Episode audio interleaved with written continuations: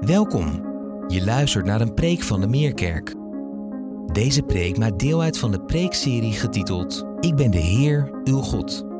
In deze serie staan we stil bij het Bijbelboek Exodus, het verhaal van Mozes en de bevrijding uit Egypte. Wat betekent bevrijding voor ons? En hoe klinkt het evangelie van Jezus Christus hierin door?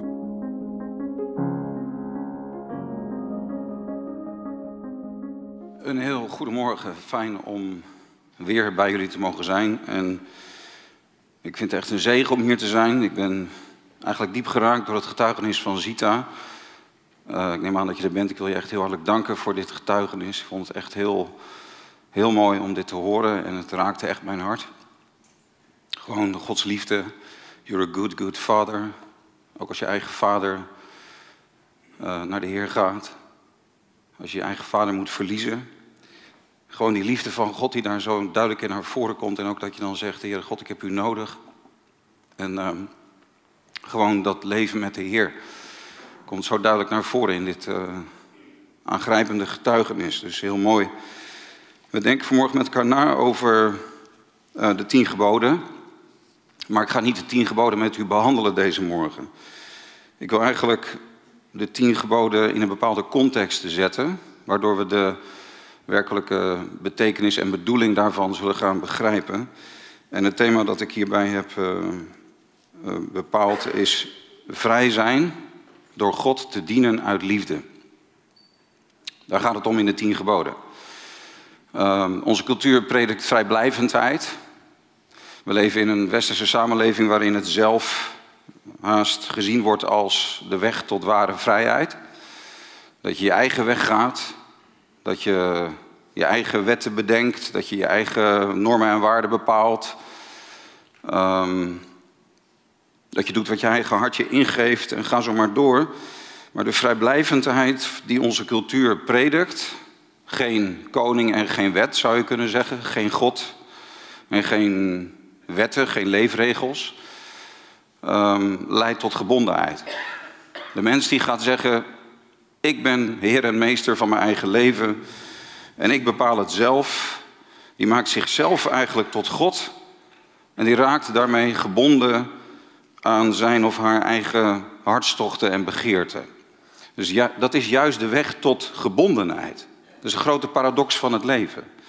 De mens die wegloopt van God, de mens die God de rug toekeert, de mens die zijn eigen weg gaat, de mens die rebelleert tegen onze schepper, die komt daarmee in de duisternis terecht. Maar juist als de mens terugkeert, als de mens buigt voor hem, als we hem gaan erkennen, als we hem gaan dienen, als het dienen van de Heere God het motto van ons leven wordt. Als we zeggen, Heere God, u bent mijn God en ik wil naar u luisteren wat u wil dat ik doen zal. Dat is wat de tien geboden over gaan, hoe hij het leven heeft bedoeld. Wat zijn leefregels voor ons zijn. Dan denk je dat je je vrijheid gaat verliezen, maar niks is minder waar. Dan word je vrij. Dan word je vrij. Vrij in de dienst aan de Heer. Vrij in de verbondenheid aan Hem.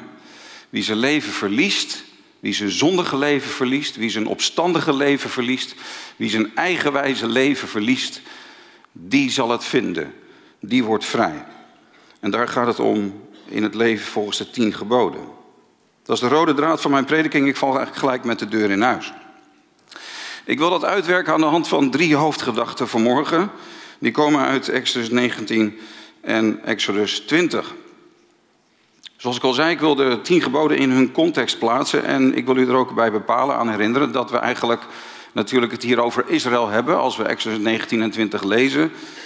Uh, het gaat hier natuurlijk over de geschiedenis van Israël. Israël is door de Heer uit Egypte bevrijd. Trouwens, om hem te gaan dienen.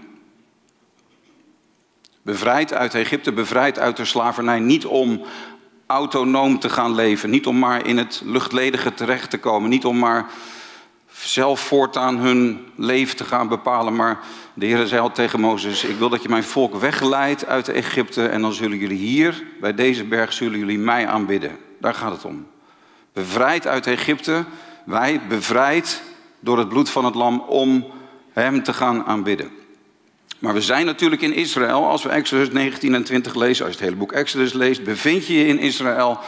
En dan moeten we de vraag stellen, oké, wat, wat zien we daar voor Israël en wat is dan overdraagbaar op ons leven hier en nu? Wat geldt dan ook voor ons als gelovigen uit de volkeren, als niet-Israëlieten, als christenen uit de volkeren die in de Joodse Jezus zijn gaan geloven?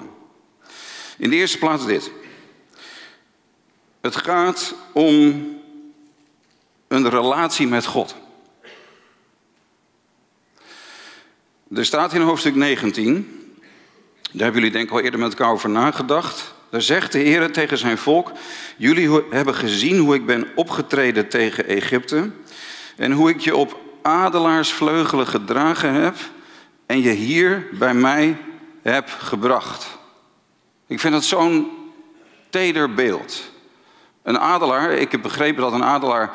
Op een gegeven moment gaan die kleintjes uit het nest. Het zou zelfs kunnen dat die adelaar zijn kleintjes eruit duwt. En die kleine adelaartjes die kunnen nog niet echt vliegen, maar die proberen het wel, maar gaat niet helemaal goed. En die moederadelaar of die vaderadelaar, die, die komt dan onder die kleintjes en die vangt ze op in de lucht. En op, op de vleugels van vader of moeder worden ze weer teruggebracht naar het nest.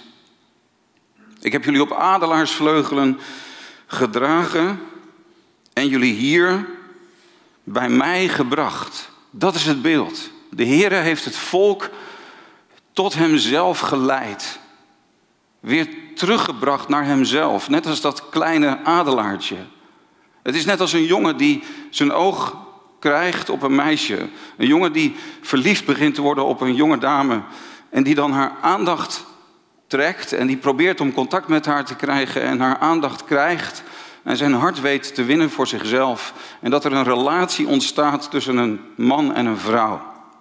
Dat is het beeld dat hier wordt geschetst. Als je orthodoxe Joden vandaag de dag zou vragen, hoe lezen jullie Exodus 19 en Exodus 20? Dit is de verbondssluiting op de berg Sinaï.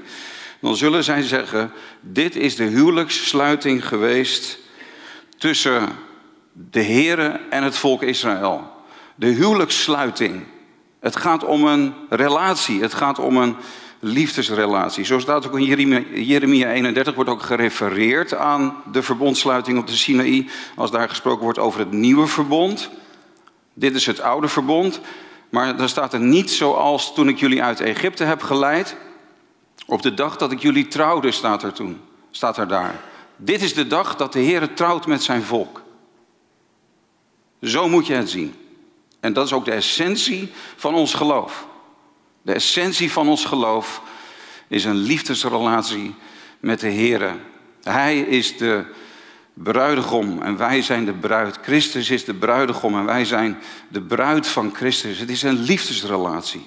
En hoe zien we dan die leefregels? Hoe zien we dan die wetten die de Heere God geeft aan zijn volk? Nou, dat is eigenlijk heel eenvoudig. Je kunt dat vergelijken met het huwelijk. Um, als een man en een vrouw met elkaar trouwen, dan sluiten ze een verbond met elkaar. Op de dag dat je trouwt, dan sluit je dat verbond door elkaar een belofte te geven. Belofte en verbond ligt heel dicht bij elkaar. Je zegt tegen de ander: Ik zal bij je blijven. Ik zal je lief hebben. Ik zal je beschermen. Ik zal je eren. Ik zal je dienen. En ik zal me alleen aan jou verbinden. En ik geloof dat God jou aan mij heeft gegeven, dat Heere God ons bij elkaar brengt. En je begrijpt natuurlijk wel dat bij zo'n verbondsrelatie, bij zo'n exclusieve liefdesrelatie, dat daar een bepaalde manier van leven bij hoort. Er zijn bepaalde regels voor het huwelijk. Die zeg je ook, die spreek je ook uit als je gaat trouwen. Ik zal me bijvoorbeeld alleen aan jou verbinden. Een van de regels van het huwelijk is natuurlijk dat je niet met een ander uh, wat gaat doen. Dat je je alleen aan je levenspartner verbindt. Dat is een regel, dat is een, dat is een leefregel. Opdat de liefde blijft en opdat de liefde bloeit. Opdat de liefde groeit. Dan, dan krijgt die liefdesrelatie gestalte. Dus die leefregels uit Exodus hoofdstuk 20, die we vanmorgen met elkaar hebben gelezen, die horen bij die liefdesrelatie. Dus leefregels en liefde horen bij elkaar. Vandaag de dag spreken mensen anders. Vaak wordt gezegd, ja, weet je, je bent liefdevol voor een ander als je de ander helemaal vrij laat om te doen wat hij of zij wil. Maar dat is niet liefdevol. Jezus zegt, als de wetteloosheid toeneemt, Als mensen hun eigen dingen gaan doen, als mensen niet meer volgens leefregels leven, als mensen gewoon alles zelf gaan bepalen, zoals ik in het begin al zei, als de wetteloosheid toeneemt, dan zal de liefde verkillen. Met andere woorden, wetteloosheid en verkilling van liefde trekken samen op, maar ook je houden aan de wetten en liefde trekken ook samen op. Dus dat is het eerste punt. Het gaat om een verbondsrelatie, om een liefdesrelatie. En daarbij hoort een bepaalde manier van leven, omdat je in die relatie met God staat. En een man en een vrouw die, die zich toewijden aan de gezonde leefregels van het huwelijk, die geven liefde een kans. Het heeft te maken met toewijding in het huwelijk. Een goed huwelijk is niet een kwestie van een, een geluk hebben of een lot uit de loterij. Maar een goed huwelijk heeft meer te maken met toewijding aan dat wat hoort bij de huwelijkse staat. En dat geldt ook voor de relatie met God. In de tweede plaats, we zien heel duidelijk hier in Exodus 20 dat de Heere God het initiatief neemt. Het begint namelijk met de Heere zelf. Exodus 20, vers 2 is een vers dat boekdelen spreekt. Dat begint namelijk met: Ik ben de Heere uw God, die u uit Egypte, uit de slavernij heeft bevrijd. Dat is de basis voor alles. Het begint met de Heere die zegt: Ik ben, ik ben de Heere uw God. En met wat Hij heeft gedaan.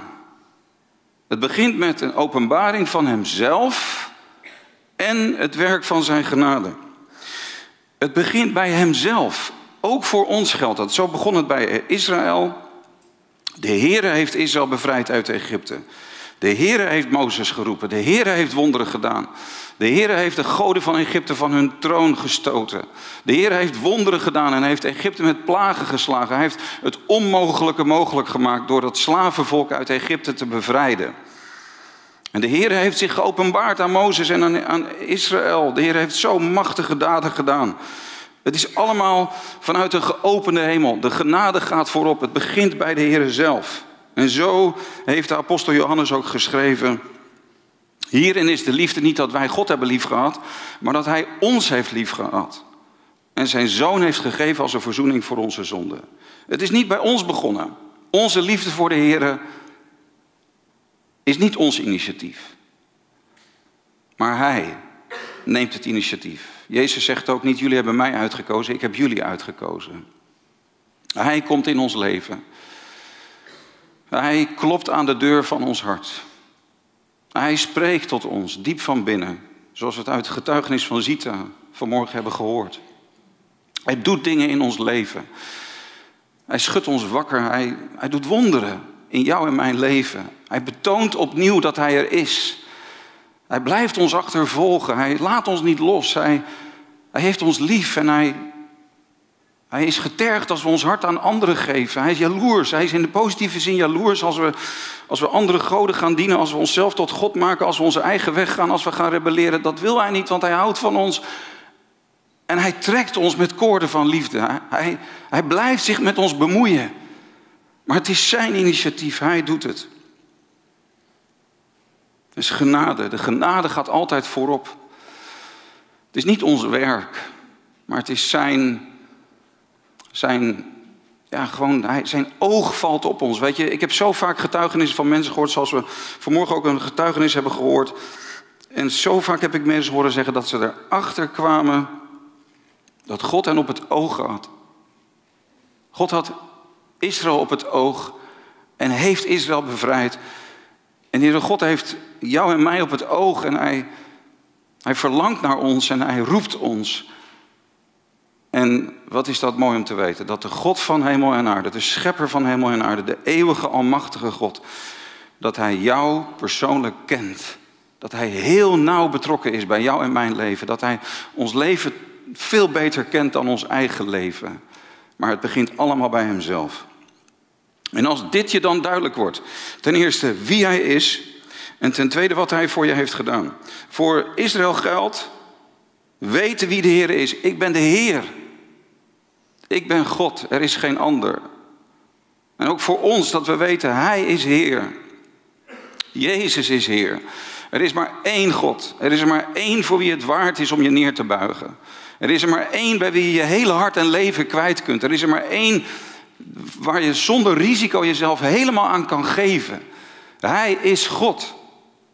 De enige waarachtige God. En hij openbaart zich aan ons. Hij, hij spreekt tot ons door zijn woord. We krijgen hem in beeld. We krijgen oog. Weet je, we gaan zien wie hij is. We gaan zijn heiligheid een beetje begrijpen. Dat we ontzag voor hem krijgen, zoals het ook in deze tekst staat. Maar ook dan wat hij voor Israël heeft gedaan. Die u uit het huis Egypte, uit het slavenhuis heeft bevrijd. Wij, als we zicht krijgen op het kruis. Als we zicht krijgen op wat er aan het kruis voor ons is gebeurd. Weet je, als je begrijpt wie de Heer is. En als je begrijpt wat Hij voor je heeft gedaan. Hoe diep dat allemaal gaat en hoe groot dat allemaal is. Dan heb je geen moeite met de tien geboden. Als je weet wie de Heer is. Dat Hij de meest aantrekkelijke persoon is die er is. De meest schitterende persoon die er is. Als je begrijpt dat Hij heilig, heilig, heilig is dat Hij God is, dan, dan zeg je natuurlijk ga ik niet iets anders tot God maken. Natuurlijk ga ik niet neerklieren voor een godenbeeld, want dat zijn helemaal geen goden. Natuurlijk ga ik de naam van de Heer niet misbruiken. Natuurlijk ga ik, um, ga ik een dag in de week apart zetten. Wat een voorrecht om een dag in de week te heiligen, om een dag in de week te hebben om me op Hem te kunnen richten. Wat heerlijk dat ik even mijn bezem mag laten staan en, en met mijn werk mag stoppen. Dat ik gewoon tijd heb om naar Hem te kijken, om mij in Hem te verblijden. En om, wat, wat een voorrecht dat God die dag geeft. Dat komt voort uit Hem kennen en begrijpen wat Hij voor je deed. En natuurlijk, als je, als je begrijpt hoeveel de Heere God jou heeft liefgehad, hoe de Heere God met jou, hoe Jezus met, met mij is omgegaan, terwijl ik zijn vijand was, terwijl ik hem zoveel kwaad heb aangedaan, terwijl hij door mijn zonde is gestorven aan het kruis, dat hij mij zo heeft liefgehad, dan begrijp ik natuurlijk dat hij mij ook oproept om mijn naaste lief te hebben. Om mijn naaste niet kwaad te doen. Hij heeft mij lief gehad. Hij heeft mij goed gedaan en geen kwaad gedaan. En nu ik hem heb leren kennen, wil ik niet liegen en een vals getuigenis over mijn medemens afgeven. Want dat is kwaad, dat wil ik niet. Ik wil lief hebben, want hij heeft mij lief gehad. Ik, natuurlijk wil ik niet al die dingen doen die waarvan de Heere God zegt in de overige zes geboden, doe dat niet. Die overige zes hebben te maken met het liefhebben van je naaste. Maar het tweede punt is dit. Het begint bij Hem. Hij openbaart zichzelf. Hij laat ons zien wat Hij voor ons heeft gedaan. Jezus verklaart ons zijn liefde. Hij heeft zijn liefde voor ons bewezen door voor ons aan het kruis te sterven. Dat gaat zo ongelooflijk diep. Je staat onder de indruk, je staat in verwondering. Je, je bent daar gewoon helemaal door overweldigd. Dat, is, dat, dat ben je gaan zien en dat is dan het allergrootste in je leven geworden. Hij zelf is gewoon de allergrootste in je leven geworden. En dan zeg je, heren, natuurlijk wil ik gaan leven zoals u wilt dat ik leven zal. Want ik zie gewoon dat dat tot uw eer is en dat dat ook tot welzijn van mijn naaste en mijzelf is. Dan heb je geen moeite meer met de tien geboden. Dan is het niet van je moet, je moet, je moet. Of u zult, u zult, u zult. Maar dan zeg je met Psalm 119, hoe lief heb ik uw wet. Dan krijg je lust om de wil van de Heer te gaan doen. Lust om zijn wil te gaan doen. En dan worden die tien geboden worden gewoon licht op je pad. Dat is wat de samenleving nodig heeft. De meeste rechtspraken in de wereld, overal ter wereld waar recht gesproken wordt, ook de rechtspraak in Nederland, is voor een groot deel gebaseerd op de tien geboden die God aan Israël heeft gegeven. We hebben die geboden nodig. Het is ook niet zo dat Mozes de geboden bracht en Jezus de genade. Nee, Jezus sloot helemaal aan bij Mozes. Jezus heeft ook de geboden gepredikt. Negen van de tien geboden worden letterlijk herhaald in het Nieuwe Testament. Het idee dat het Oude Testament gaat over de wet en het Nieuwe Testament over de genade, dat is echt onzin.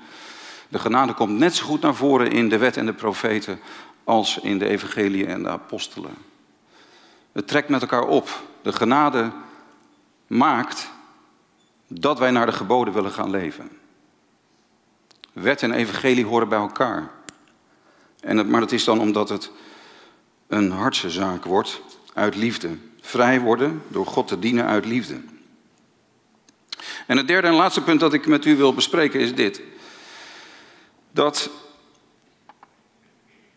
Ten eerste, het gaat dus om een liefdesrelatie. Ik zat er nog even over na te denken van vroeger zeiden we in de evangelische wereld zeiden we altijd ja, het gaat om een persoonlijke relatie met God. Dat hoor ik niet zo vaak meer genoemd worden, maar ik wil het vanmorgen toch eigenlijk gewoon herhalen.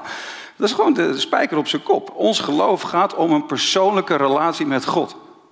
En in die liefdesrelatie, in die verbondsrelatie met de Heer, is Hij het die het initieert. En Hij komt ons leven binnen. En Hij toont ons zichzelf. En dan willen we Hem gaan dienen. Dan wordt je hart geraakt. Hij raakt ons hart.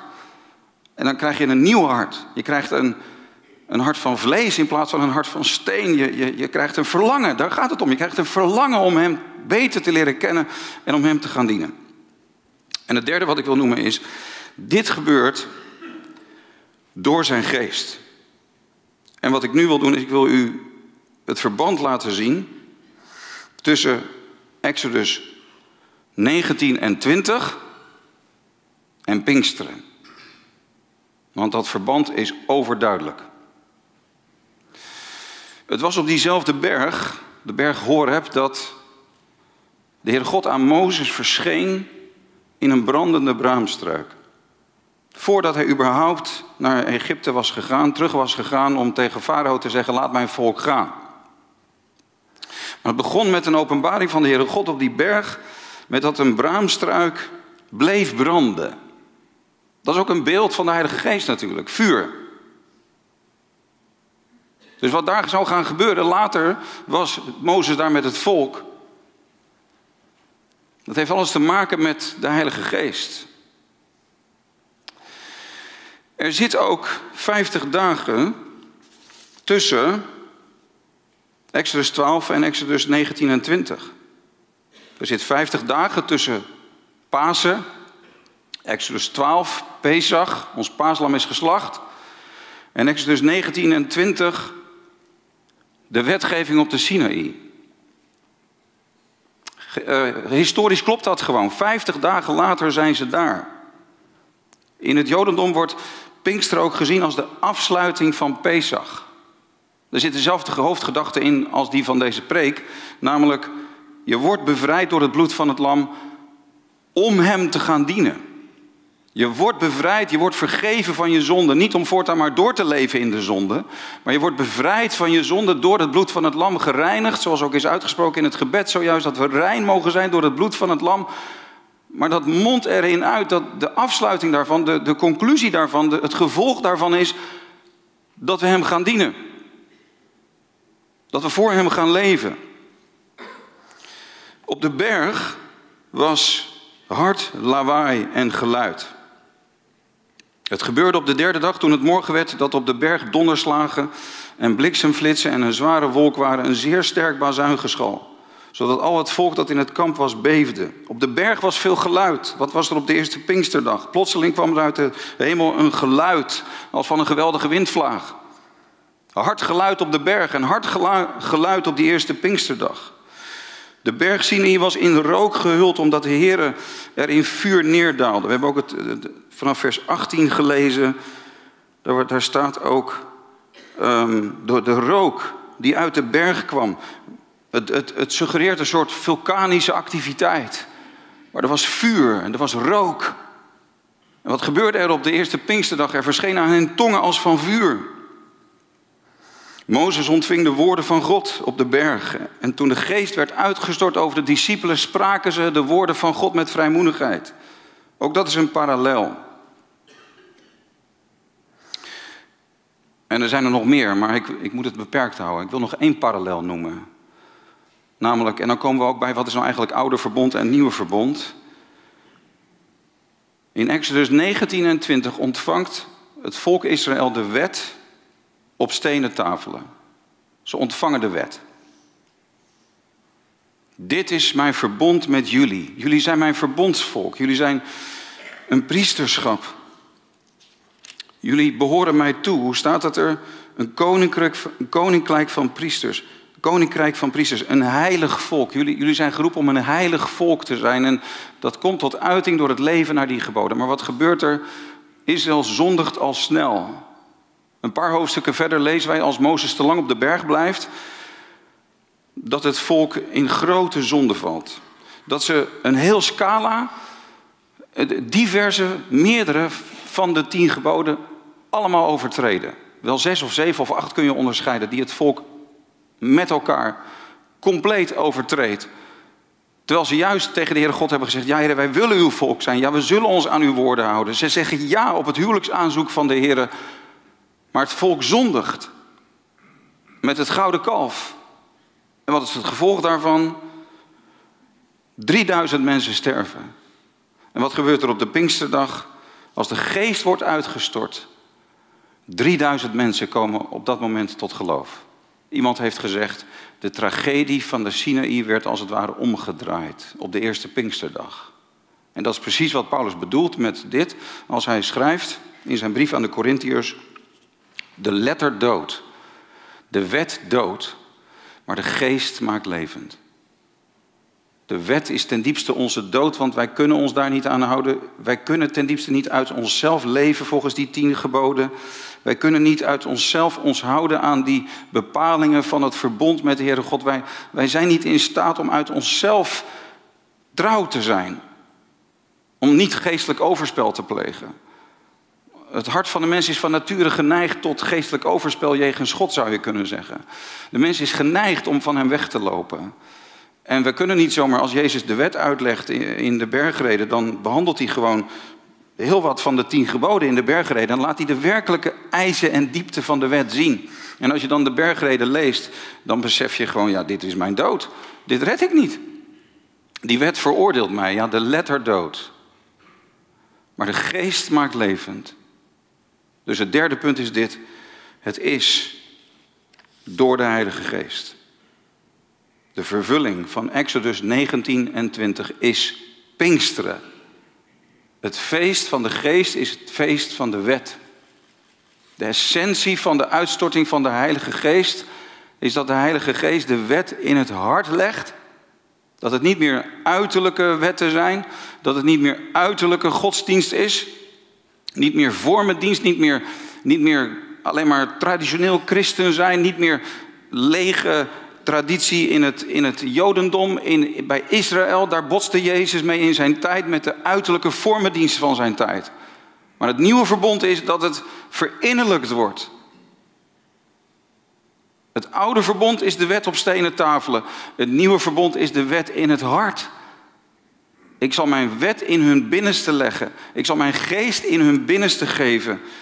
En ik zal maken dat ze naar mijn inzettingen gaan wandelen. Ik vind het zo genadevol van de Heer dat Hij ons niet alleen roept tot die verbondsrelatie met Hemzelf. Dat Hij ons niet alleen roept om een heilig leven te leiden en deze geboden geeft die ons goed doen, maar dat Hij ook voorziet in wat wij nodig hebben om te kunnen veranderen. Hij roept niet alleen tot een bepaald soort leven, Hij geeft het ook. Hij geeft ons een andere manier van leven door de kracht van de Heilige Geest. Het is niet door onze eigen kracht of ons eigen geweld, maar het is door mijn geest, zegt de Heer. Dat is de essentie van christen zijn. En dat is het motto voor, de, voor Israël tot op de dag van vandaag. Het is alleen maar door zijn geest. Alleen maar door zijn geest. Dus het goede nieuws is, wij kunnen veranderen. Vroeger had uh, Fijke Tervelde die programma's op de evangelische om, bij de evangelische omroep. God verandert mensen. En dat is nog steeds zo. Dat goede nieuws mag ik u vanmorgen brengen. Soms weten wij geen raad met onszelf. Soms balen we van onszelf. Soms dan denken we van, kan ik wel echt veranderen? Kan ik wel afkomen van mijn zondige neigingen? Kan ik wel afkomen van mijn koude hart? Kan ik wel echt gaan liefhebben? Zou ik echt een liefdevol mens kunnen worden? Misschien twijfel je daar wel eens aan. Of je bevrijd kan worden van, van alles wat niet overeenkomstig de liefde is in je leven.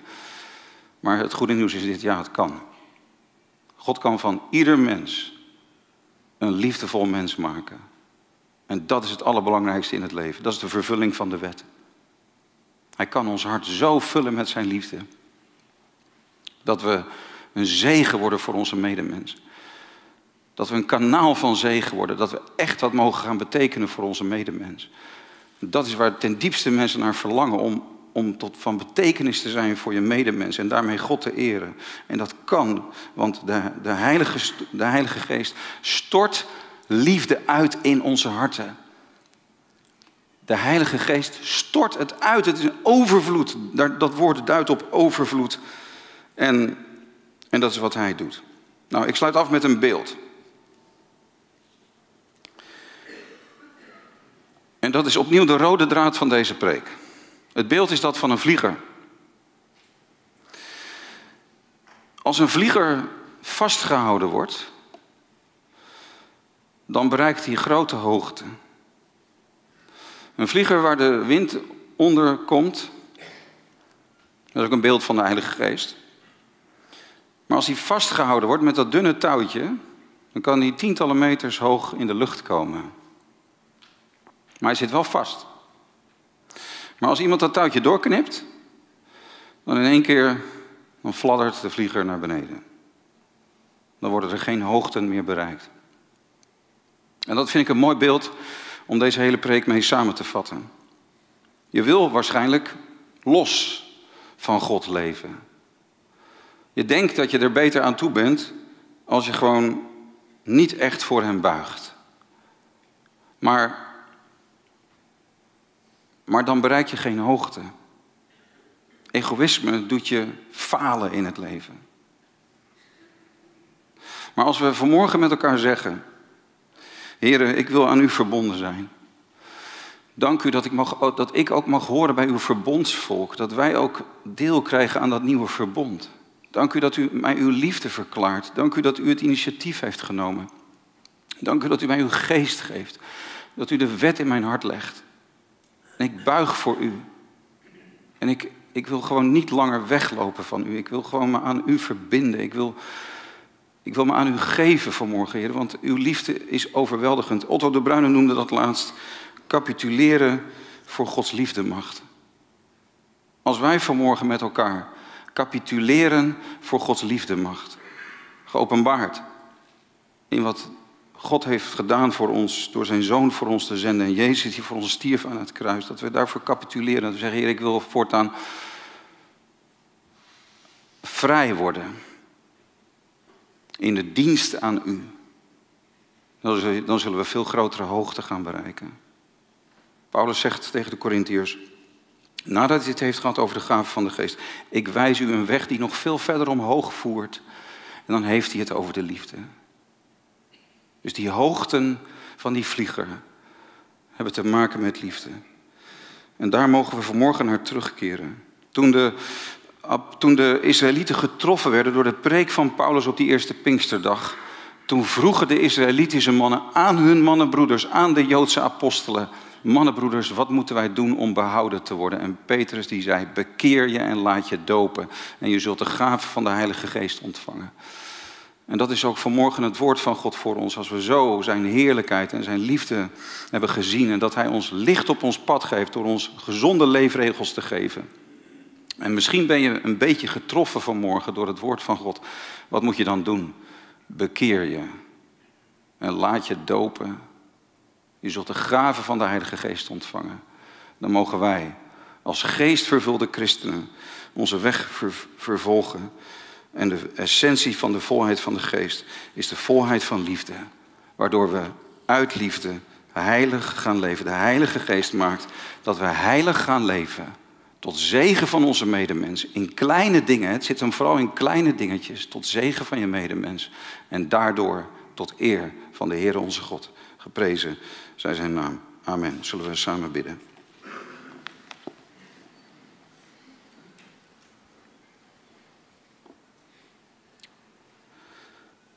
Lieve Vader, we danken u dat, we, dat wij ook als heidenen, als niet-Israëlieten, als mensen uit de volkeren, u hebben mogen leren kennen, God van Israël.